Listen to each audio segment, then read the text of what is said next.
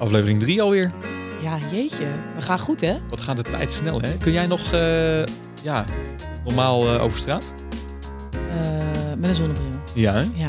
Ja. Beetje verkleed, maar dat is, misschien denken mensen dat het normale Ja, kleding ik is. denk dat, is, dat, is, dat hoort erbij. Ja. Die vrouw die, ja. Maar nee, hartstikke leuk aflevering 3. Ik zie eh, Pieter al af en toe zenuwachtig eh, ja, voor het raam hier rondlopen. Want die mag zo meteen binnenkomen, maar nu nog niet. Ja, die vindt het wel spannend volgens mij. Ja, En terecht ook. ja, ja, we gaan hem van alles vragen. Ik eh, ben wel heel benieuwd hoe hij het gaat doen. Het kan niet anders dan dat dat leuk wordt. Want hij is wel een hele makkelijke prater en heeft volgens mij Ja. mooie verhalen. Positief persoon. Ja. Hey, maar voordat wij Pieter laten aanschuiven, ik wil ook wel gewoon even weten, hoe is het eigenlijk met jou? Ja, we even dit moment gebruiken om bij te praten ook. Dat is wel goed, denk ik, want daar komen we toch te weinig aan toe. Ehm, hoe is het met mij? Ja, het gaat op zich wel goed. Ik, ehm, ik had wel even een eh, wat taaier weekend. Het wordt wel heel persoonlijk meteen. Ik weet niet of je daarop zit te wachten. Ja, misschien zit jij erop te wachten, maar zitten de luisteraars er niet op te wachten. Nou, nee, ik had, ehm, ik had een paar dates gehad met een eh, meisje en ehm, eh, een jonge vrouw, geen meisje, eh ze was 30. Maar ehm, ja, dat, dat liep dan toch weer op niets uit. En eh, ja, ik had er wel last van. Dat eh, deed me toch wel dan wel meer dan ik had gedacht. Wat vervelend. Dus het datingleven gaat niet altijd over rozen. Nee, meestal wel, maar niet altijd inderdaad. Ja, kijk, daten op zich is natuurlijk heel relaxed. Vind ik eigenlijk heel erg leuk en ontspannen, omdat je elkaar gewoon leert kennen zonder verwachtingen. Maar je komt altijd op het punt van, gaan we door, gaan we niet door? Ja. Je, je, je bent toch steeds aan het nadenken over, wat, wat willen we hiermee? Aan het schakelen van, is dit hem wel of is dit hem niet? Ja, Ja, heftig. en eh, nou ja, ook weer niet zo heftig. Maar ik, eh, ik had er gewoon even last van eh, zondag. Maar ja, ik had natuurlijk gewoon toch alweer die ring meegenomen en Oh, ben je... voorbereid. Je bent op- niet op je knie. Je hebt natuurlijk. Nee. Oh, was, maar waar ging het mis? Ja, het was pas D3, dacht ik later. Dat oh was ja, niet misschien goed. wel was misschien iets te snel. Of, Zo, ja. of was de locatie niet goed of zo? Locatie Te inderdaad. veel mensen. Ik had wel fotograaf alvast. Oh ja, alles had je al Ja. geregeld. Nou, wat wel leuk was trouwens, op, de, op date nummer drie toen... eh, oh nee, date nummer twee was dat. Toen kwa- kwam ik dus echt, echt absurd veel bekende mensen tegen. oh, dus ze hebben direct kunnen keuren. Eh, Nou, ik heb haar niet geïntroduceerd als mijn toekomstige vrouw, maar wel als... eh, gewoon, ik heb haar niet geïntroduceerd. Maar ja, ik zag iedereen wel kijken van... Oh, Oh, oké, wie wat die heeft hij, wie heeft hij nou weer meegenomen? Dat je de hele tijd van die hoofd omhoog ziet gaan. Ze Ja. zitten er nog. Maar eh, genoeg over mijn dieptepunten. Heb jij, Ja. eh, heb jij ook nog dieptepunten? Als we toch hebben doorgaan eh, op de dieptepunten. Ehm diepte. Nou, ik heb een beetje een. eh, ik, ben een, ik ben echt net terug van vakantie. Ik heb echt twee weken heerlijk genoten van vakantie in Italië. je bent ook echt irritant bruin gewoon. Ja, het eh, ga, is over twee maanden wel weer af. Nou, Oh ja, een maand. Twee maanden. een ja. maand, een week. Ehm, maar echt, echt heel fijn om van alles en even in iedereen weg te gaan eh, en te zijn. Maar ik vind zo'n moment terugkomen van vakantie en dan weer... ehm, eh, ik ben helemaal fris en helemaal weer zin in werk en alles. Maar dan gaat dus school weer beginnen van die kinderen. eh werk is natuurlijk gewoon weer, gaat weer verder waar je gestopt bent. Ehm, en ik vind dan zo'n dal ingaan. Het klinkt echt als een... Maar de herfstperiode en de winterperiode waarin je dan nu kijkt tegen regen en dus lagere temperaturen. Dat vind ik al best wel een beetje Hmm. Vervelend of zo. Mm. Een beetje eh verdrietige. Beetje een Een rouwperiode periode, van de ja. zomer afsluiten. En ja, weer, echt. eh, En dan ja. denken, oké, dan komt er... En, en ik heb ook geen vakantie gepland staan, nu in het Oh, vooruitzicht. En ja. dat maakt het wel dat ik denk, oké. En eh, ik ben een fan van de winter, maar van de herfst, dat, vind ik echt helemaal niks. Maar we gaan gewoon wel iets heel leuks van maken hier op kantoor. Ja, ja, nou, Toch? dat doen we altijd. Met vlies, eh De zon, de zon is hier altijd. Het TL licht doet het ja, goed. TL-banken word je niet bruin van, niet, helaas. niet bruin? Nee, ik was geprobeerd. Maar Nee, Heb je wel? ja, oké. Maar eh, ja, je bent helemaal oké? eh, Ik ben oké. eh, ja? Nou, en ik, en ik heb dus ook echt zin weer in die podcast. Ik bedoel, dat had ik hier voor die twee ook. Ehm, en ik, ik vind het gewoon heel leuk om Pieter te gaan interviewen. Nou, dan gaan we gewoon binnenlaten. Ja, laten we doen. Leuk dat je bij ons bent eh, aangeschoven, Pieter. Ja, Pieter, welkom. Ja, dankjewel jongens. Welkom. Ongelooflijk bedankt voor de uitnodiging. Ik Ja. eh, ben vereerd. Nou, goed zo. Dat moet ook. Ja, ja dat, dat, dat dat eindelijk ontstaat. Dat mensen een beetje Ja. respect voor ons Ja. te krijgen. Ja, en, de derde in rij geloof ik. Of Ja. De derde, Ja, niet de minste. Ja, ik merk wel een soort van competitie eh, tussen directie onderling. Van wie heeft nou de leukste podcast zo meteen?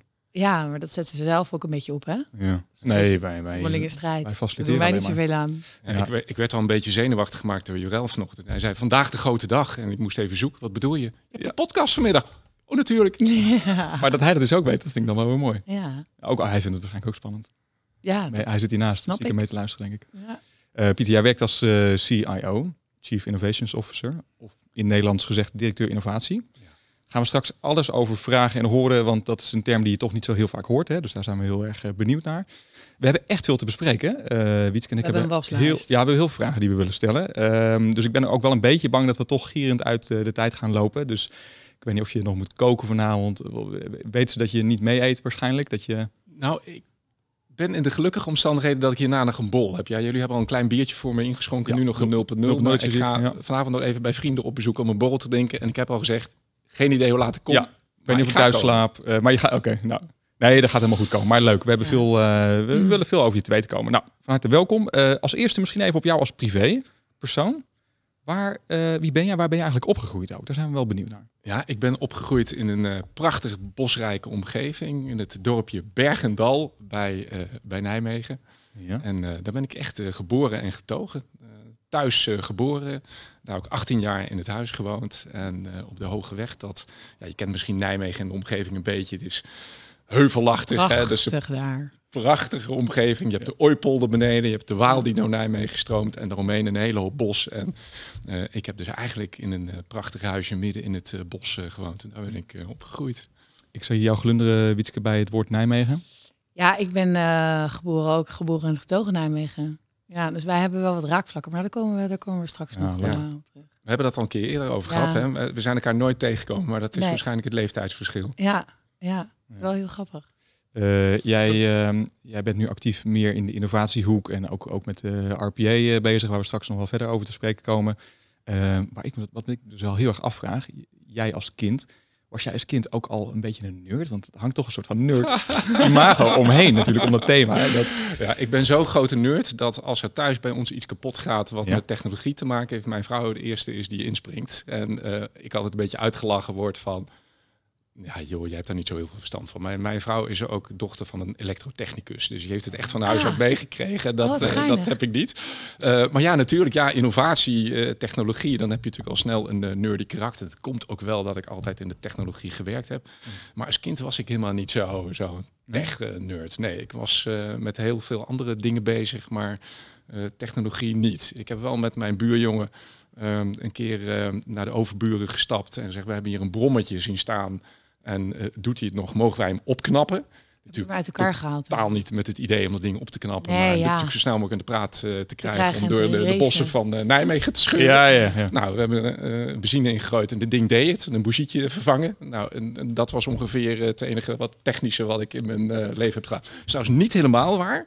Um, want uh, ik heb vroeger heel veel aan fietsen geknutseld. Ik, uh, omdat wij zeg maar, in zo'n bosrijke, heuvelachtige omgeving wonen, vond ik het altijd mooi om een crossfiets te hebben. Uh, en kinderen op school die hadden dan vaak zo'n prachtig crossfietsje. Nou, mijn ouders waren niet gek genoeg om mij zo'n crossfietsje cadeau te doen. Die zeiden, nee, er staan heel veel fietsen beneden. Ga zelf maar wat ja, mooi. knutselen. Ja. Dus ik heb heel veel aan fietsen geknutseld. Van de drie fietsen, één fiets maken, spatborden eraf. Oh, ja? grote wielen, kleine wielen. En dan scheuren de heuvel af. skills die uh, altijd nog wel even pas komen. Ja, ja, ik heb mijn kinderen geprobeerd uh, uh, te leren wat een band plakken is, maar ja. nou, die zijn er niet. We wilden er niet in. Maar dat is volgens mij de missie van elke vader. Dat is toch. Dat, heb ik dat... ook zo geleerd. Ja. ja, ik heb het ook geleerd. Ja. Zouden ze dat nu nog? Zou, zouden wij dat nu nog doen? Weet ik eigenlijk niet. Ja, ik heb, ga je ik heb het geprobeerd, maar het resoneerde niet. Ze hebben ernaar staan kijken en denken, maar papa, er zijn toch fietsenmakers? Schaap, ja, precies. ja, schoenmaker blijft weer leest, uh, fietsenmaker blijft... Ja. Uh, maar jij was niet zo'n kind wat met uh, technisch Lego bijvoorbeeld speelde? Dat nee, dat was mijn broer. Oh. Um, die speelde heel erg met technisch Lego. En mijn broer was drie jaar ouder, natuurlijk altijd uh, net wat handiger en slimmer in alles. En eigenlijk had ik zoiets, nou, als hij iets doet, dan moet ik juist iets anders gaan doen. Ja, natuurlijk. Om het toch een beetje te onderscheiden. Ja. ja. dat is toch een beetje de competitie die tussen broers altijd leeft in de family. Ja, ja. Technische Lego, heb jij dat ooit... Dat... Mijn broertje. Ik kom uit een gezin van vijf met vier meisjes en één jongen. En mijn broertje is echt waar wij alleen maar met poppen speelden en lief kleurden en uh, mm. Ons bezig hielden met uh, poppen aankleden, was hij echt degene die volledig Lego, technisch Lego en dus wij hadden wel bakken en dat soort. Uh, nou, ik, ik heb wel gelego'd en dat vond ik altijd wel leuk om dan met mijn broer wat, wat van die rollenspelletjes te doen. En dan een soort stad gebouwd of zo en dan ja, ja. met autootjes erdoor rijden. Dan was ik Jan en hij Piet of andersom en ja. dan hele rollenspel. Ik heb geen idee wat we allemaal mee gedaan hebben. Volgens mij heb je dus twee soorten kinderen die met Lego spelen. Je hebt kinderen die inderdaad rollenspellen gaan doen en ook met Barbie poppen. Nou, dat zie ik jou minder. Maar gewoon die poppen, weet je al. En, en hele stemmetjes en zo. En je hebt kinderen die gewoon alleen maar bouwen en dan houdt het op. Ja. Ik was Ja. meer zo'n kind eigenlijk. Ja, nee, ik, ik, ik kan. En verder was ik gewoon heel veel buiten aan het spelen. Ik, eh, ik, ik ging altijd naar buiten. Eh, naar school, eh, op mijn fiets, eh, dorp in, kijken of je iemand tegenkwam om eh, mee te crossen of te voetballen of eh, te hockeyen. Eh, eh, echt wel een buitenkind. Hey, en ehm, zijn er dan ook dingen die jij eh, als kind deed die gewoon echt niet konden? Dus heb je wel eens gestolen of heb je wel eens, ben je wel eens in een vechtpartij? Misschien toen je iets ouder was, maar ben je wel eens in een vechtpartij? Strafblad. We zijn eigenlijk op zoek naar het strafblad. Ja, sst, ik ver, verkappen het nog. Nou ja, ik, ehm, eh, eh, nou, dan zal ik even een, een, een boekje open doen. Ik, een buurjongetje van mij, Paul. Paul en ik waren grote maten, weet je. Wij, eh, ehm, Paul is een ge- gefingeerde naam of dat is... Nee, Paul, Paul Wentges. Ik, eh, Luistert ik waarschijnlijk met, mee. Met naam en toenaam. Oké. Ehm, eh, Paul en ik waren dezelfde leeftijd. Alle drie eh, derde kind. Eh, alle drie dus eh, grotere broers en, ehm, en zussen. En toch een beetje daarmee als derde kind. Ik weet niet of je dat herkent. Een beetje, toch een beetje, om, om, beetje, beetje wat onzichtbaarder. Je hebt wat Mhm. ouders die het al een keer meegemaakt hebben. En die er wel in ge- geloven. Dus wij hebben alle ruimte genomen die we kregen. Ja, wij, wij waren wel echt de terror van, eh, van de buurt eh, Oh ja? met, eh, met z'n tweeën. En vooral ehm, vuur en vuurwerk, dat vonden we Ja, prachtig. Fikkie stoken in, Oh ja, het, eh, in het bos. Maar ook eh, ja, in het bos, dat was dan wel leuk, fikkie. Maar het moest dan op een gegeven moment ook in het dorp gebeuren. Zodat het Ja. potentieel wat zichtbaarder voor andere mensen was. En een van de dingen die wij gedaan hebben richting de rotsteek, waar ik later ook nog wel echt spijt heb gehad. Wij hadden een overbuur van Dini van Buren, was een schat van de mensen. En daar kwamen vaak langs om een klusje te doen. Of, of Dini zag ons. En dan was altijd de snoeptrommel. Die kwam altijd Mm. tevoorschijn. Dus Dini was echt gewoon de held eh, van, eh, van de buurt. Maar Dini had een huis met twee prachtige witte, witte paaltjes. Ehm, en daarachter een garage. En die garage, en dat gebeurde in het dorp, stond nooit op slot. Dus daar stond een heel groot blik benzine in. Wat zij als reserveblik eh, had. En wat we dan deden is flink wat benzine over die paaltjes. En dan in de fik steken. En Maar, dan maar wat, wat meer. het klinkt alsof je het vaker deed, maar dat is, of is het één ja, keer dat, nee, dat hebben we. Nee, de, de één keer was zo mooi dat we dachten, nou, dit moeten we vaker doen. Maar ehm, Wat lekker rebels. dat mooie eh, eh, wit gestukte en geschilderde paaltje werd natuurlijk zo hartstikke zwart. Ik, ik weet niet wel. Nou, ehm, dus op een gegeven moment dachten we, ja, dat is toch ook wel een beetje sneu voor, eh, voor Dini. En dat is toch een hartstikke goed mens. Dus wat wij gaan doen, wij gaan aanbellen en wij, Dini, mogen wij die paaltjes schilderen? Want dat ziet er niet meer uit. Nou, dat mocht, een, een verre verhaal en dergelijke. Eh, Zij wisten dat jullie dat ook hadden? Nee, dat, dat, dat, Oh, dat is niet. nee, dus ouders jullie leken gewoon Nee, maar de, we de kregen- helden van eh maar, nee, we kregen een soort vroeging van, eh, oké, Ja. wij lopen lol met, eh, met die paaltjes die in de fik eh, staan. Maar ehm, d- dat, dat kan niet, want Dini is Ja. altijd zo verschrikkelijk aardig. Dus dat gunnen we haar eigenlijk niet. Dus dacht, we gaan het ook herstellen. nou, wij die paaltjes schilderen en eh nou, Dini kunnen we nou, fantastisch jongens, prachtig. En de snoeptrommel kwam natuurlijk ja. weer het voorschijn. Ja. Maar ze trok ook de portemonnee en gaf ons Oh. alle twee een tientje. Ja. Nou, dat is het En dat heb je zuurste tientje wat we verdienten. Ja, wij stonden, wij moesten natuurlijk Ja. handelen. Bloedgeld bijna, dat is... En we eh, zeiden, nee, die niet willen we niet hebben, want eh, we krijgen altijd snoep. Jongens, ik sta erop, je moet er hebben. Nou, dus wij Dat is alle twee eigenlijk je beste straf, hè? Ja, ja Toch? dat was echt het zuurste Ja. tientje wat ik eh, ooit verdiend heb. Ja. Dat heeft heel, heel vervelend gevoeld. Maar, maar dus een hoop vuur en vuurwerk, Ja. altijd vuurwerk kopen en klooien. En Ja. ja, ja dus dat wij Lekker eh, Maar niet hele... Ja, die fase ga jij nog meemaken, denk ik, Wietske. Maar ik, ik, mijn jeugd was ook alleen maar vuur maken. En eh, Oh. gewoon alleen vuur maken was Ja. leuk op zich. En het wordt natuurlijk steeds erger. En Ja, ja wat, wat is dat toch, hè? Ja, net als met zakmessen hadden we het net ook over. Dat is, Ik hoop het echt niet. Ja, ja Jongetjes. bereid je maar voor hoor. Want ja, je hebt van de jongens die in zo'n dorp wonen natuurlijk. Die gaan allemaal met elkaar... eh Fikkie stoken. ja, Maar, een eh, mooie schuur in de fik steken. Hoorzuur inderdaad. Ja. Eh, maar Pieter uh, Pyromaan, dat, is eigenlijk dus, dat was de bijnaam die je misschien had Ja, kunnen hebben Ja, toen. ja. Ehm, hey, en als we dan even eh, doorgaan, hè, een beetje lage schooltijd, hebben we dan denk ik nu wel een beetje benoemd. Misschien is dat hier ook wel een beetje middelbare school ja, tussen. dat was maar, het gewoon, hè? Naar school en fikjes stoken. Ja, dat is een ehm, goede samenvatting. Ja. Maar wat, wat ik denk, maar heel weinig mensen weten, is dat ehm, wij dezelfde middelbare, op dezelfde middelbare scholen hebben gezeten. Eh, want jij bent in Bergendal opgegroeid en ik ben in Nijmegen opgegroeid. Eh, eh, Notre Dame en Canisius. Ja, oh, dat heb we je ook gedaan. Gezeten. Ja, dus waar we net over hadden, dus een leeftijdsverschilletje. Dat is de reden waarom wij elkaar niet zijn tegengekomen. Maar we hebben echt hetzelfde pad bewandeld. Ongelooflijk grappig. En en zoals het hoort bij schoolperiodes, zitten er ook vaak jeugdliefdes aan verbonden. Ja. Heb jij nog nu één, één van de 500? Nee, grapje. Heb je er één die er nu oppopt in je hoofd waarvan je denkt, nou, dat was misschien wel echt. Ja, ik, het, echt mijn eerste liefde, en dat was denk ik een beetje, eh, een beetje aan het eind van de middelbare school al. Dat was eh, Suzanne. Ja, dat was, dat was, eh, daar was ik echt knetterverliefd op. Ja. Geinig. Ik, Een laadbloeier. Nou, laat bloeien. Uh. Nou, laat, nee, niet. op dat, ja, ik, ik, zit te denken, mijn eerste vriendinnetje, ik was denk ik zes of zo. Maar ja, het slaat natuurlijk ook helemaal nergens oh, op. maar meer, nee, meer op die ja, nee, nee, maar echt, echt, echt, echt een vriendinnetje, echt een vriendje. Ja, echt, dat was echt een vrienden dat je echt gewoon het. Uh, natuurlijk, ik ging ook heel veel. Ik speelde ook heel veel met meiden, dus natuurlijk was ik wel eens verliefd. Maar dat ik echt gewoon denk, ja, daar was ik echt gewoon uh, helemaal het boot van. Dat was uh, Suzanne. En dat was een beetje aan het einde van de lagere school, zeg maar. Dus dat, dat was klas 6. En Suzanne ging naar een andere school toe. En nou ja, ik ben er overigens later nog een keer tegengekomen, in Nijmegen toen ik de Zevenheuvelen loop deed. Echt? Toen stond ik bij haar het startvak. Dus, en dacht je toen, Oh, Suzanne. Nee, totaal niet. Want het, het, is grappig dat je elkaar gelijk herkent. Ja. Want je denkt, nou ja, weet je, het is uh, 30, 30 uh, 35 jaar geleden, maar je bent geen steek veranderd. Je herkent elkaar gelijk. En ik begreep ook gelijk, ook, ja, dat is waarom ik er leuk. Ja, ja, ja, grappig. Ja, ja. Uh, maar je bent dus niet getrouwd met uiteindelijk. Uh, nee, Suzanne. Nee, nee, niet met Suzanne. Nee, ik ben met gediend getrouwd. Een, een, meisje wat ik pas veel later aan het eind van mijn studie ben oh, ja? uh, tegengekomen. Ja ja. ja. Als jij uh, in de weekenden en de avonden echt ultiem wil ontspannen, wat, uh, wat doe je dan zo?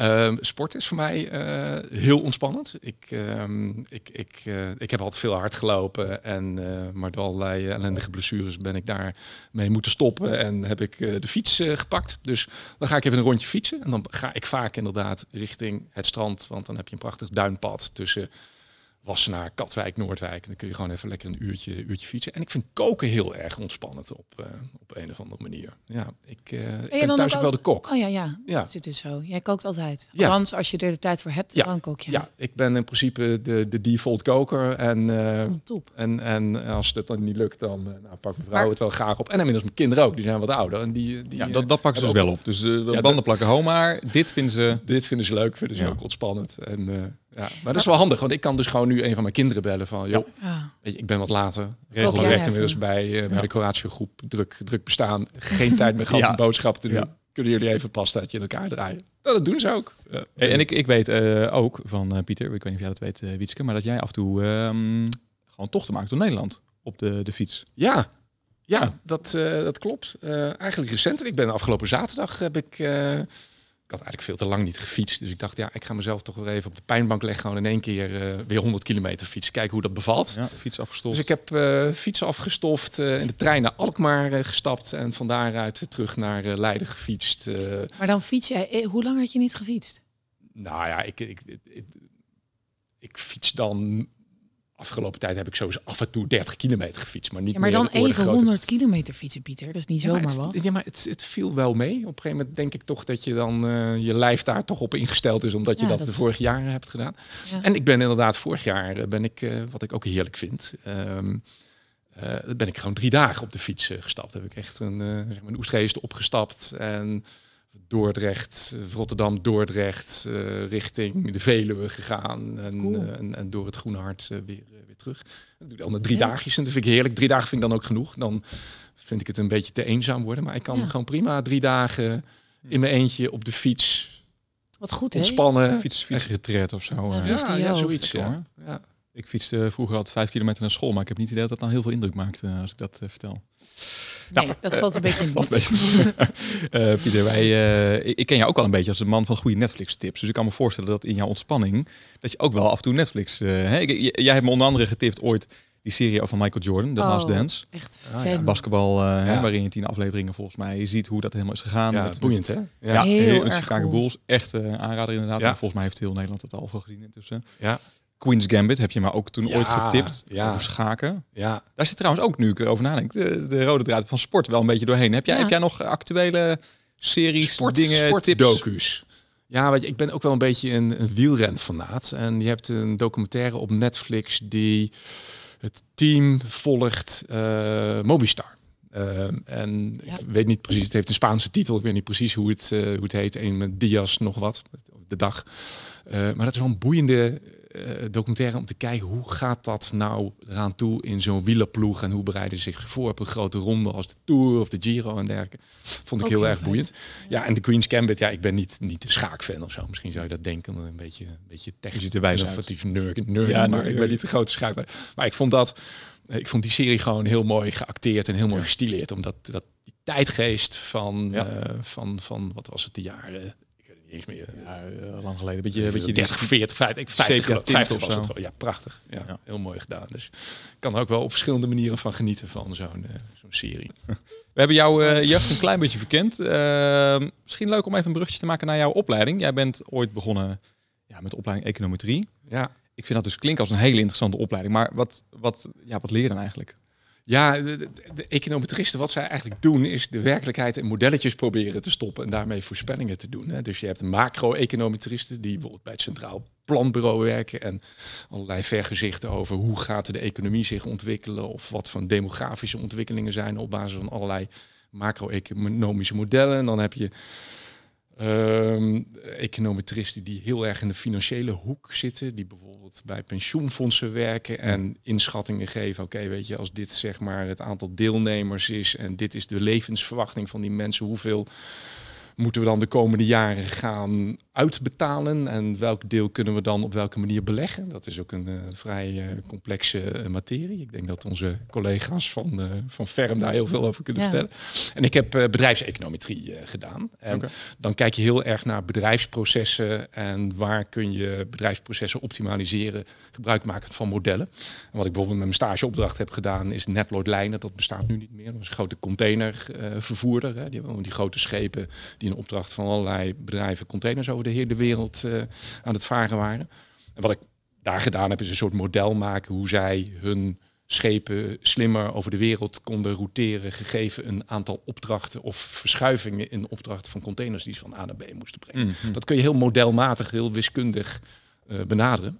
Mm. En uh, zo'n zo actualiteit als het Suezkanaal op een gegeven moment, dat uh, komt bij jou ook even anders binnen dan. Ja, uh, ik denk, oh god, ja, dat van welke. Ja. Uh, allemaal, welke rederijen. ja, welke wie heeft er allemaal nu stress na afloop ja, ja, daarvan? Ja, ja. Johan, jij vroeg mij natuurlijk eerder van, was je vroeg een beetje nerdy? Nou ja, goed, weet je, econometrie is natuurlijk eigenlijk een beetje een, een nerdenstudie. Dus ik zat met vrij veel, vrij technologie gedreven, nou ja slimme mannetjes en, uh, en vrouwtjes. Um, ja, dat was ook nooit echt mijn ambitie om dan ergens in een uh, donker keldertje heel uh, slimme modellen voor een bedrijf ja, uh, te ja, verzinnen. Want alle econometristen zitten namelijk in een donkere kelder. Ja, ja dat, dat beeld kreeg ik op een gegeven moment wel. Ik oh, dacht van, jullie zouden het helemaal niet erg vinden om nee. de rest van je leven in het donkere keldertje oh, te zitten en modellen uit te rekenen en er één keer per maand uit te komen. Van, Eureka, we hebben weer wat briljants verzonnen. het schijnt dat wij er ook eentje hebben in, in onze kelder, maar ik heb hem nog nooit gezien. We hebben geen kelder. Nee, we hebben geen kelder. maar jouw uitleg erbij helpt hem wel iets meer te plaatsen van uh, ook, ook jouw loopbaan, hè? want ik dacht econometrie en wat je daarna hebt gedaan, wat is de, de overlap? Maar je zegt bedrijfseconometrie, dus ja, ja bedrijfsmodellen. Ja. Dus ik snap dat wel beter. Dus ja. uh, klopt het dat je er wel echt iets aan hebt gehad ook in je verdere Ja, loopbaan? ik heb er zeker wat aan, aan gehad. Weet je, je leert natuurlijk op een bepaalde abstracte manier denken die altijd uh, goed is. Maar ik heb er uiteindelijk na mijn studie niet zo heel veel mee gedaan. Wel de eerste drie jaar, want dan ben ik bij consultiebedrijven in dienst gekomen en heb ik met name modellen gemaakt voor financiële instellingen waarmee ze automatisch kredietaanvragen konden goedkeuren op basis mm -hmm. van allerlei uh, uh, gegevens die ze van hun klanten hadden. Credit scoring heette dat met een mooi woord. Mooi. Uh, maar op een gegeven moment na drie jaar dacht ik van ja, um, ik, ik, wil veel meer met klanten praten. Dus ik, ik, ik wil accountmanagement doen, ik wil sales gaan doen, ik wil marketing gaan doen. Ik, ik ga dus dat inhoudelijke weglaten en ik wil meer gewoon in, in commerciële lijnfuncties gaan zitten. Dus dat heb ik daarna echt jaren achter elkaar gedaan, maar wel altijd bij technologiebedrijven. En ja. uh, wat ik daar zo leuk aan vond, omdat die technologie sector was eigenlijk een heel onvolwassen sector. Hè. En, en ja, wanneer begon ik daar te werken? Weet je, 1996 of zo. Mm. En elke jaar, elke twee jaar was er weer een nieuwe ontwikkeling die dan ja. helemaal de bom was en helemaal hot was. En dan moest je dan gewoon een propositie omheen uh, ontwikkelen. Dus die, die was continu in beweging, uh, die sector. Heel onvolwassen, maar ook continu in beweging. Ik vond dat wel leuk, die verandering. Want telkens nieuwe dingen en uitproberen en kijken of het resoneert. Dat vond ik, uh, dat vond ik prachtig. Daarom vond ik die technologie sector altijd leuk. Ja, en je hebt bij heel veel hele grote namen heb je gewerkt. Hè? Dus in de bankensector, bij, bij de, de Big Four zag ik uh, voorbij komen. Ook ja. qua accountskantoren. En dat zijn natuurlijk ook kantoren die echt wel budget hebben om daar dan even op te hopelijk te lopen. Of dat proberen ze in ieder geval. Of in ieder geval ja. daarin te investeren. Ja, klopt. klopt. Dat zag je ook altijd. Hè? Dat de, uh, de KPMG's en de PwC's en, ja. en Anderson nu, nu uh, Accenture geworden en Deloitte toch eigenlijk altijd voorop liepen in het uh, maken van diensten rondom die nieuwe technologische mogelijkheden die er zijn. Dat zie je eigenlijk nu, nu nog steeds. Hmm. dus ik heb inderdaad ook bij diverse bedrijven veel contact gehad met dit soort grote consultancy bedrijven. Ehm, ja, dat waren altijd mooie professionele partijen om mee samen te mogen werken. Hmm. Ja, en ook tegelijkertijd zit ik nu te denken vanuit mijn eigen werkervaring de, de allerlastigste partijen om hele snelle uh, ontwikkelingen door te voeren. Hè? Omdat je zoveel legacy systemen hebt. Als ik bijvoorbeeld denk aan een Rabobank of een ABN AMRO, waar ik ook heb gewerkt en waar jij ook bij betrokken bent geweest. Um, het, het, is zo moeilijk om echt ja. veranderingen door te voeren. Hè? Of met alles waar je, met, uh, waar je mee te dealen hebt. Ja, dus dat klopt. Hè? Je, je ziet ook dat uh, dit soort bedrijven die eigenlijk al vanuit hun bedrijfsmodel heel vroeg in allerlei ICT hebben geïnvesteerd. Ja, de wet van de remmende voorsprong. En dan heb je eigenlijk echt wat je zegt legacy systemen staan. Oude mainframe systemen die ook in de kelder staan uh, te draaien. Ja. Waarvan niemand eigenlijk meer weet, ja, wat doen die dingen precies? Nou, laten we maar niet aankomen, want ze doen nog steeds hun werk. Um, ja, dus dat, dat remt je wel bij dit soort bedrijven om dan zeg maar het roer echt om te, om te gooien en iets heel anders uh, te proberen. Dat moet echt uh, geleidelijk, uh, geleidelijk aangaan. Mm. We hebben nu al wel een groot deel van jouw loopbaan denk ik gehoord. zijn er nog stukjes die missen in de route richting Coratio toe? Ah, um, Weet je heel lang bij Microsoft gewerkt? Ja, Microsoft heb ik, uh, heb ik uh, lang inderdaad uh, gewerkt. Daar ben ik op een gegeven moment. nou, wat, wat, wat misschien leuk is om te vertellen, ik ben eigenlijk als consultant begonnen. Toen veel meer in commerciële functies terechtgekomen. Account management, partner management, marketing, business development en dergelijke. maar ik vond dat wel belangrijk een stuk, stuk inhoud. Het moet, het moet gewoon een commerciële functie zijn, maar het moet ergens over gaan. Dat dat ook nieuw is, innovatief mhm. is uh, uh, en complex is. Ik vind het leuk om gewoon complexe dingen weer wat, wat simpeler proberen te maken. En op een gegeven moment miste ik weer die inhoud. Dus ik ben na 14 jaar inderdaad bij Microsoft ben ik um, eigenlijk van de een op de andere dag gezegd van joh, ik moet, uh, ik heb geen zin meer om nog een jaar Microsoft te doen. Na 14 jaar dan heb je het wel een beetje gezien en ik zag daar niet echt meer een volgende stap. Zag ik, weet je, ik ga gewoon een jaar weer eens even terug die inhoud in. En dat was net tijd dat er allerlei nieuwe interessante technologieën opkwamen. Big data, Internet of Things en kunstmatige intelligentie. Er was heel veel reuring dat dit soort technologieën allemaal businessmodellen op zijn kop aan het zetten waren. En toen ben ik in de slipstream van een aantal Belgen die daar hele prachtige, inspiratievolle verhalen over vertelden. Bij gewoon bedrijven uh, uh, innovatiestrategieën gaan, uh, gaan ontwikkelen. En dat was best wel even een stap, weet je. Want ik had natuurlijk lang die inhoud niet meer in uh, gezeten. En ja, toch wel een beetje gebluft van, nou weet je, ik, uh, ik heb bij technologiebedrijven gewerkt en ik heb ooit consultie gedaan. Ik ga die dingen combineren. Maar dat, uh, dat heb ik met ongelooflijk veel plezier gedaan. Dat heb ik vijf jaar gedaan. Dus het is eigenlijk weer terug naar waar ik ooit begonnen was. Terug weer de consultie in gegaan, maar dan niet bij een bedrijf, maar nou, zelfstandig. En zo ben ik uiteindelijk ook bij Coratio terechtgekomen. Ja, want wat heb je als eerste gedaan toen je bij Coratio in beeld kwam? Dat was iets anders dan wat je nu doet.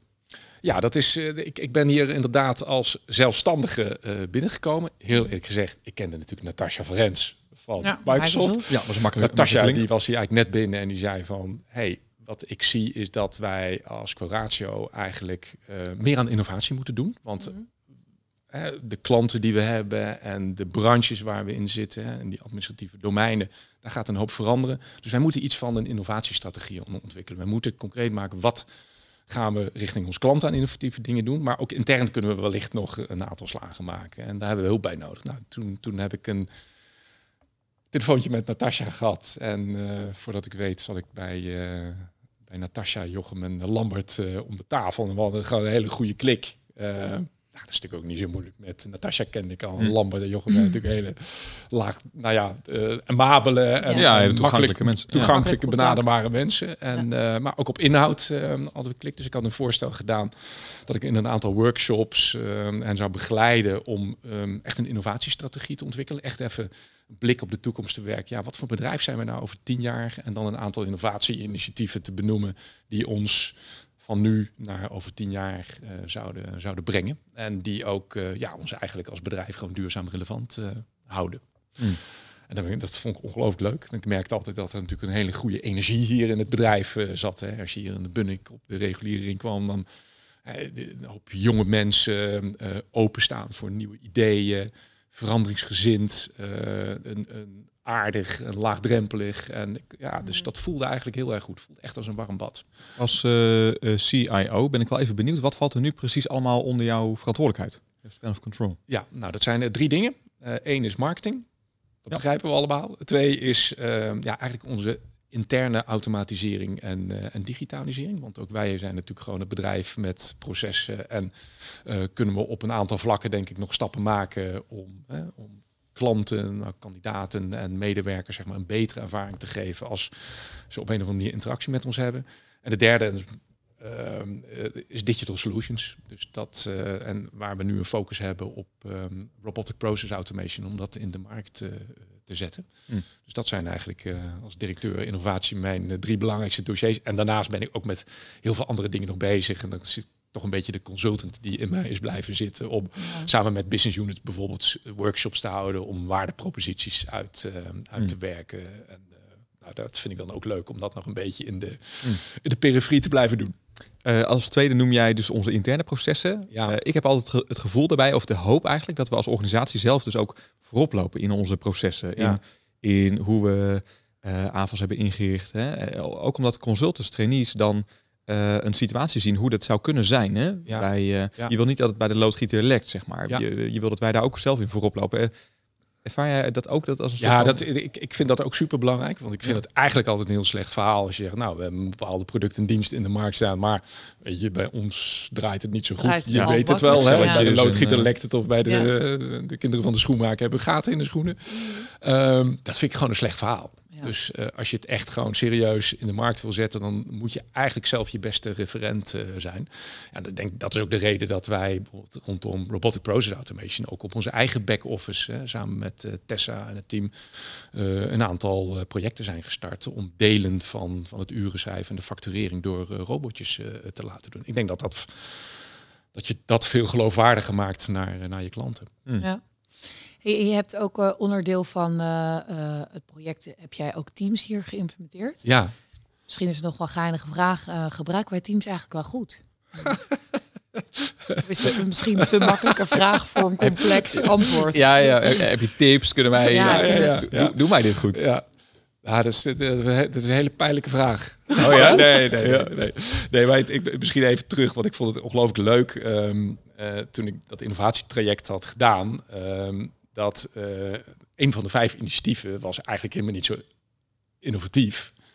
Maar was gewoon van, ja, we, moeten gewoon die kantoorautomatisering hier op orde krijgen. En we waren toen natuurlijk nog drie bedrijfjes, eh, Coratio, Zorgon en uh, Verhoeven, met alle drie een eigen op staande. Ja, ja, ja. Wat, wat uh, nou, hadden we dan wel een gezamenlijke mail geloof ik. Maar, mm dus dat moest dat moest gewoon onder één noemer gebracht worden. Nou ja, dan moet je gewoon de standaard uh, gebruiken. En dat is Microsoft uh, 365. En toen zijn we begonnen, omdat Teams was toen vrij nieuw vanuit Microsoft. En dat, daar hadden ze gewoon een gratis licentie van. Ik zei, nou, laten we dan dat project eigenlijk aftrappen.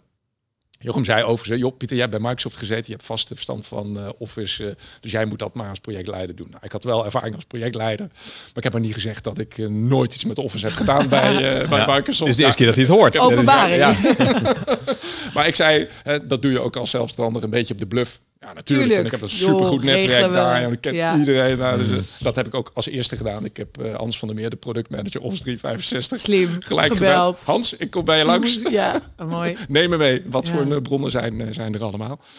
Maar, en uiteindelijk is het gewoon een, een project draaien. En hoef je niet anders van de inhoud te weten.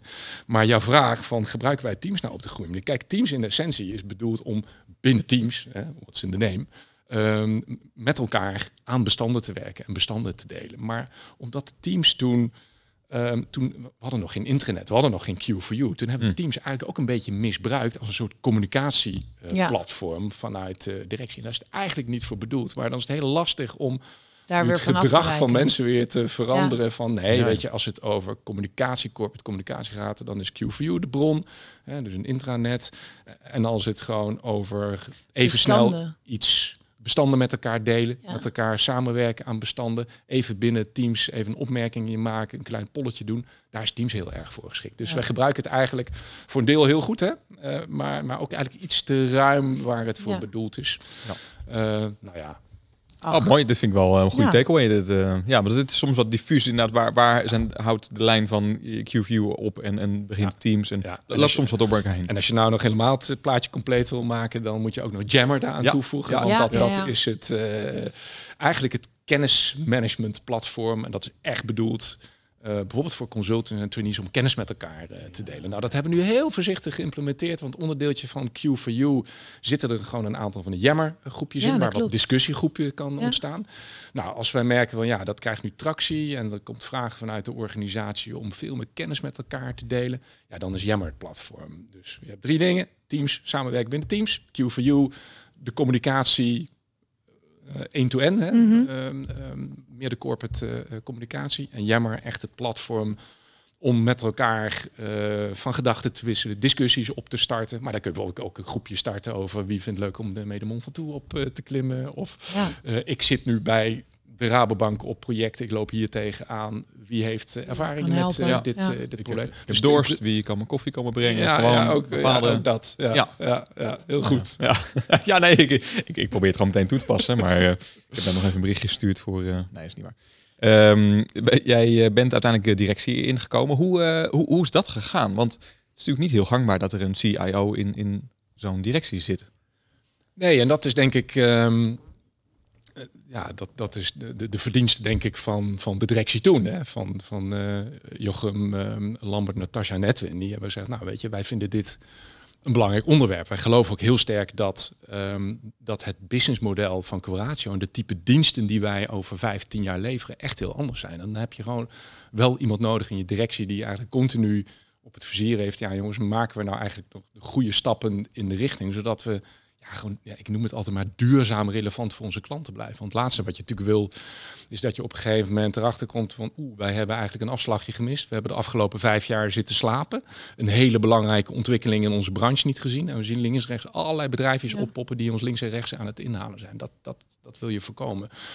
Um, en ik denk ook dat eigenlijk, als je het mij vraagt, zal ieder zichzelf respecterend bedrijf een directeur innovatie in de directie moeten, moeten hebben. De veranderingen gaan nu zo waanzinnig snel in, ja. in de wereld.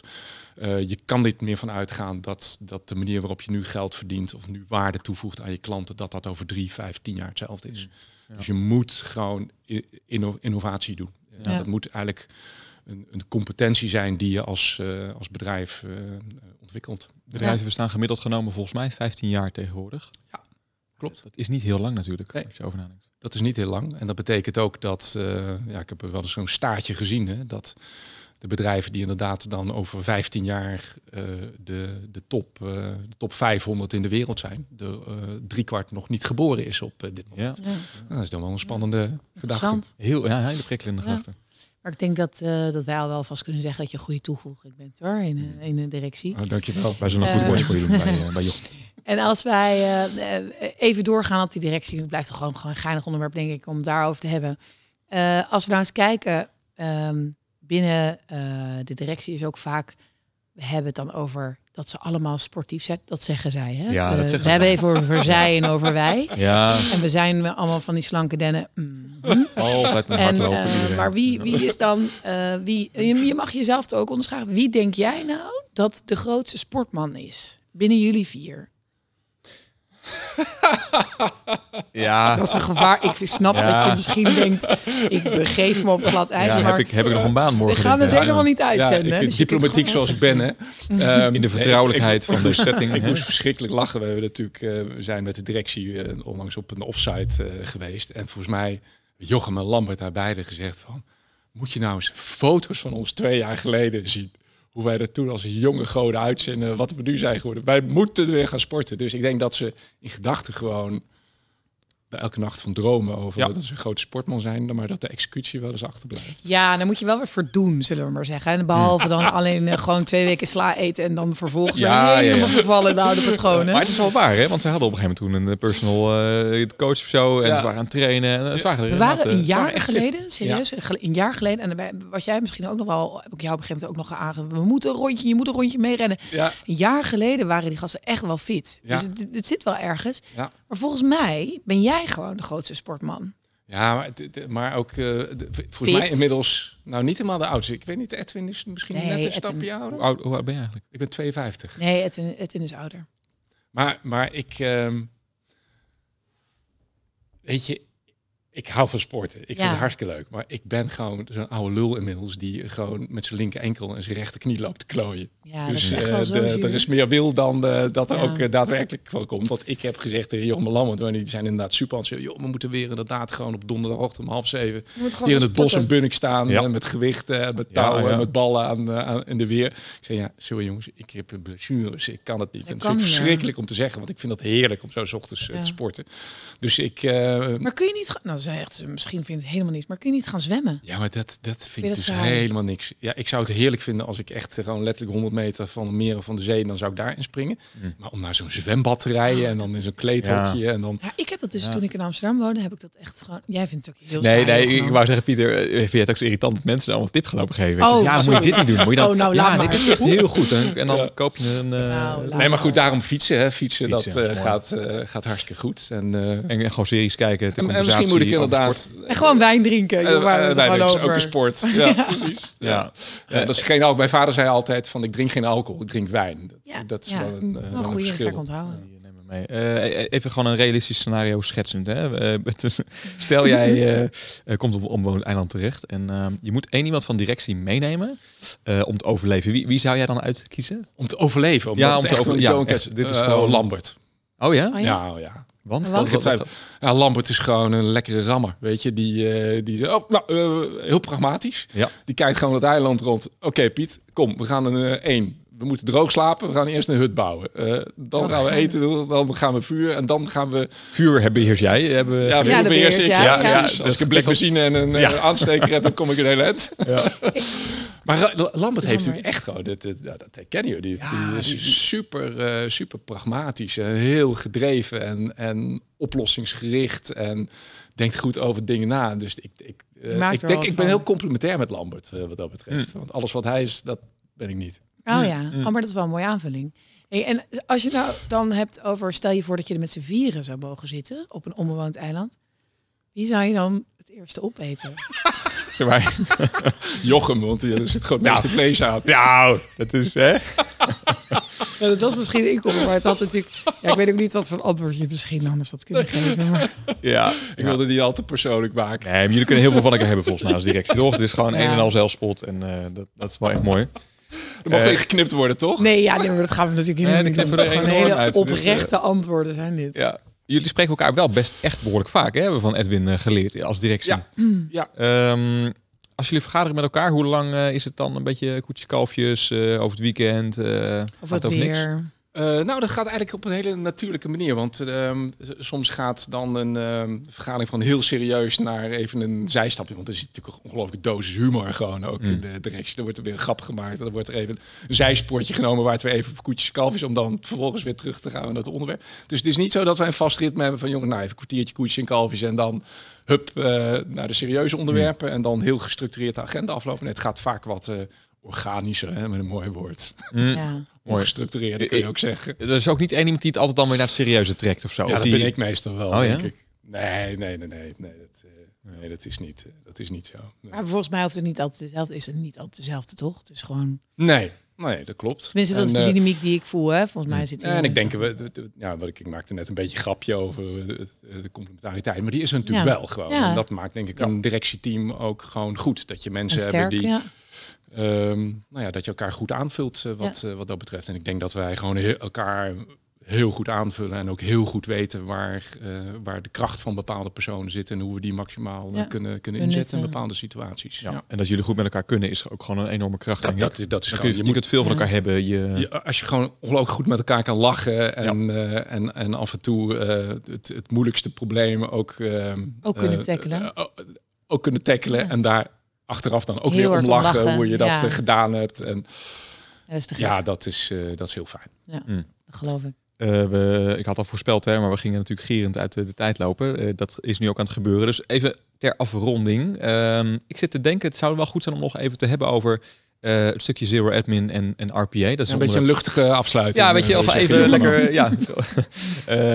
nou, ik ben wel benieuwd, omdat dat gewoon een heel relevant thema is waar jij echt veel ja. mee bezig bent. En, ja. en we zitten in een financieel uh, of, in administratief vakgebied, hè, ja. waar, waar, waar, dit behoorlijk veel impact gaat hebben de komende tijd. Ja. Uh, misschien eerst even RPA. Wat, wat, um, wat houdt dat in wat jou betreft? Ja, RPA is eigenlijk, uh, heel plat gezegd, ja, robotgestuurde procesautomatisering, als je het letterlijk vertaalt. Maar eigenlijk al het repetitieve, handmatige werk wat nu eigenlijk door mensenhanden uh, gebeurt op administratieve afdeling, dat je dat uh, vervangt door software robotjes. Omdat die robotjes wat sneller kunnen, minder fouten maken en eigenlijk de mensen vrij spelen, omdat, ja, vaak, ik zeg het onerbiedig, het domme doewerk, het domme klik, sleep en doewerk, om dat weg te nemen, zodat mensen tijd hebben om de echte belangrijke dossiers op, op te pakken het wegwerken van foutlijsten.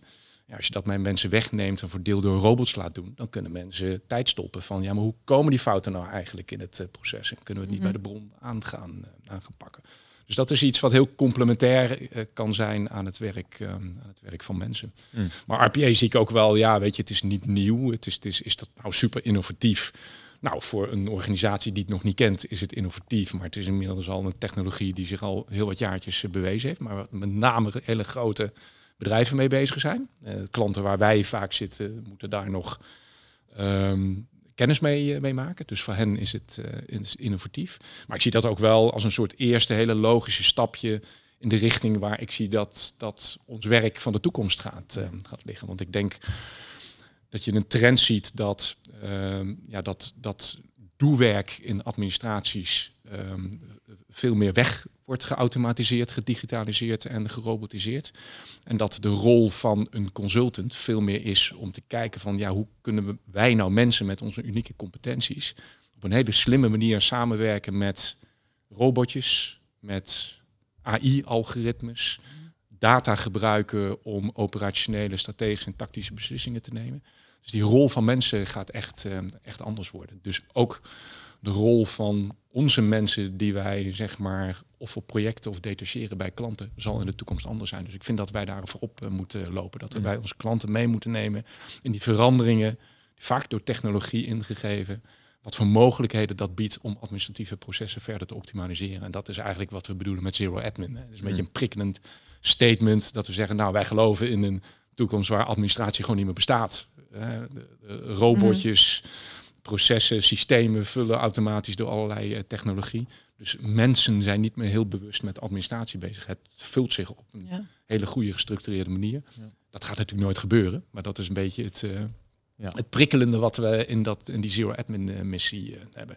Wat wel gaat gebeuren is dat er dus ja, dit soort processen steeds verder geoptimaliseerd gaan worden. Waardoor het lijkt dat administratie niet aanwezig is. Maar ja. op de achtergrond moet het aanwezig zijn. Want het heeft natuurlijk ook een duidelijke functie. En, en hoe denk je uh, dat je als consultant of als trainee je zou moeten verhouden tot dit, uh, deze ontwikkeling? Ja, ik, dat is een hele goede vraag. Ik, ik, ik zeg altijd, je moet. Um, ik, ik geloof dat het werk van iedereen op een administratieve afdeling, om het maar even um, plat uh, te slaan, gaat veranderen en dat iedereen eigenlijk uh, conceptueel moet begrijpen wat van dit, hoe dit soort technologieën werken en hoe wij straks met robotjes en AI-algoritmes samen moeten werken. Gebruik maken van onze eigen uh, unieke, unieke competenties. Dus dat betekent dat wij denk ik gewoon veel meer tech-savvy moeten worden. Mm Wat ik net zei, conceptueel begrijpen wat is RPA, wat kan het, wat voor toegevoegde waarde zit er potentieel in voor onze klanten.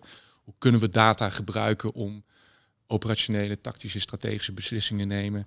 Wat is onze rol nog? En onze rol als mens zal veel meer zijn probleemoplossend, innoverend, begrijpen hoe de processen van A tot Z lopen.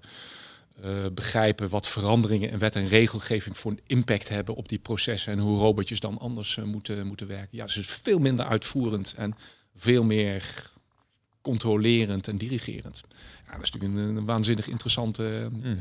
toekomst. Die, naar mijn idee, zich echt de komende jaren gaat uh, ontvouwen. Dus iedereen uh, ja, zal daar denk ik nou ja, een, een, beeld van moeten vormen. Mm. Wat dat voor jou gaat betekenen. Misschien is een mooi, uh, mooi kernwoord ook wel nieuwsgierigheid of een mooie eigenschap daarnaartoe. Dat, dus dat niet, is eigenlijk bedreigend, maar ja. het is benieuwd naar wat het dan gaat brengen. Ik denk dat je dat heel mooi samenvat, want uh, er is mij wel eens gevraagd van, ja, wat, wat is nou de essentie van innovatie? En volgens mij is de essentie van innovatie dat je nieuwsgierig bent naar hoe dingen slimmer en anders kunnen lopen. Mm -hmm. En nieuwsgierig bent naar de ontwikkelingen die je in de branche ziet, die op een of andere manier impact gaat hebben op de manier waarop we in de toekomst gaan, uh, gaan werken. Nieuwsgierigheid, um, dat is de, ja, dat is de mindset die je eigenlijk moet hebben. En vind ik ook heel erg passen in, ehm, in de rol die je als consultant aan hebt. Een consultant moet gewoon nieuwsgierig zijn. Ja, eens. Nou, uh, Pieter, ik denk uh, een inspirerend slot op uh, dit mooie verhaal. Ja, lekker luchtig. Nou, nou ja, maar dit, dit, dit, wel, dit raakt natuurlijk wel ook gewoon wat je doet en waar je voor staat. Ja. Ik denk dat dat heel goed is om daarmee af te sluiten. En ik, ik vind het mooi om te horen wat. ik denk dat voor heel veel mensen de functieterm alleen al CIO niet, niet duidelijk was. Dus ik ben blij dat ik, althans ik hoop dat we daar nu enige meer, meer toelichting op hebben kunnen geven. Dus en ik ben er heel blij mee eigenlijk dat, dat jij in die positie zit en dat we daar ook mee bezig zijn als organisatie. Dat we niet enkel ja. uh, detachering hè, eh, leveren of traineeships of, of consultancy, maar dat we echt... echt... een stuk een stip op de horizon zetten. Dus dat uh, prikkelt mij ook echt wel om, om daarmee bezig te blijven. Dat is ook een beetje misschien een beetje houvast hè, wat we met z'n allen hebben. Van waar werken we naartoe in de toekomst? Ja. En, nou ja, ik, ik moet zeggen dat ik heel blij ben dat ik deze stap heb uh, genomen, ruim, ja. uh, ruim een jaar geleden. En dus alles wat ik voelde toen ik hier als zelfstandige binnenkwam, ja, dat zit nog steeds in het, uh, in het bedrijf. En ja. ja dat voelt elke dag weer als een, als een warm bad. Nou, fijn. Nou, mooi. Dankjewel uh, voor, dit, voor dit gesprek. Heel graag gedaan. Vond het leuk. Dat was het meer. Ja, weer echt een leuk, interessant gesprek. Ja, Pieter is een leuke vent. Eh, we hebben hem wat beter leren kennen. Uh, bedankt aan iedereen weer voor het luisteren, voor jullie geduld. Want die podcast uh, worden er ook niet echt per se korter op eigenlijk. Ja, en dat is ook wel, dat blijft denk ik ook onze uitdaging. Maar met zo'n man als Pieter, die zo makkelijk praat en die zo leuke verhalen ook te vertellen heeft, is het ook best wel lastig om daar ehm, het korter denk ik te Ja, nou ja, als je nog wat tijd en geduld over hebt, blijf zeker even langer voor de nabeschouwing met Jochem. Ja, dat is altijd leuk. Dus goede aanraden. En tot de volgende keer weer. Hè? Ja, tot de volgende. Uh, Jochem, het is ons dus niet gelukt om uh, jouw verhaal wat jij, waar je ons in had meegenomen, om dat uiteindelijk uit Pieter te krijgen. Dat meen je niet. Ja, ja, dat is wel echt teleurstellend. Ja, vind ik ook Maar misschien, het zou wel extra leuk zijn als jij nog even vertelt wat, ja, welke verlater Pieter dan heeft begaan. Ja, want heeft, heeft hij er niets over gezegd? Hij begon er niet zelf over en hij lijkt natuurlijk wel als een man die nooit fouten maakt. Ja. Maar van jou weten we dat het anders is. Ja, want Pieter die had een. Um, Pieter heeft uh, uh, op een gegeven moment hadden we een discussie over um, dat we met het interne team kantoorteam, hè, moet ik zeggen. Kantoor, ja, mhm. dat is heel, mooi. Uh, ja. Dat met het kantoorteam dat we uh, misschien iets meer op de hoogte moeten zijn van het type werk wat onze uh, professionals doen, de trainees en de consultants, inhoud. Ja. En um, toen hebben we er gezegd van we moeten eigenlijk echt zorgen dat we onze teams ook stimuleren om, om zich te verdiepen in die inhoud en daar en daar zich een beeld van te vormen. En toen um, was Pieter heeft daar even over nagedacht en toen zei hij ja, ik denk dat ik, dat ik snap wat je bedoelt. Ik vind eigenlijk ook dat uh, kantoorteam veel meer inhoud moet uh, weten. En ik begin bij mijn eigen team, mijn marketing. En ik ga eigenlijk gewoon voorstellen dat, um, dat ze, dat ze die, die inhoud moeten omarmen door gewoon een introductiecursus LPD te doen. ik vind deze zo... kwam totaal niet bij. LPD, wat is LPD? Oh, We moesten heel lang nadenken. Dat ja. is, is de politieke partij. LPD. Nee, hij bedoelde echt PDL. Ja. ja. Heerlijk. De, de, de, hij kon de spijker niet verder, hoe noem je dat? Ja. precies. Hij kon het niet mooi. fouter doen. Ja, Heel de, erg geinig. De combinatie was zo grappig van de, van, van de inhoud. beamen dat meer inhoud en dan die bloedserieus. Lang volledig misslaan.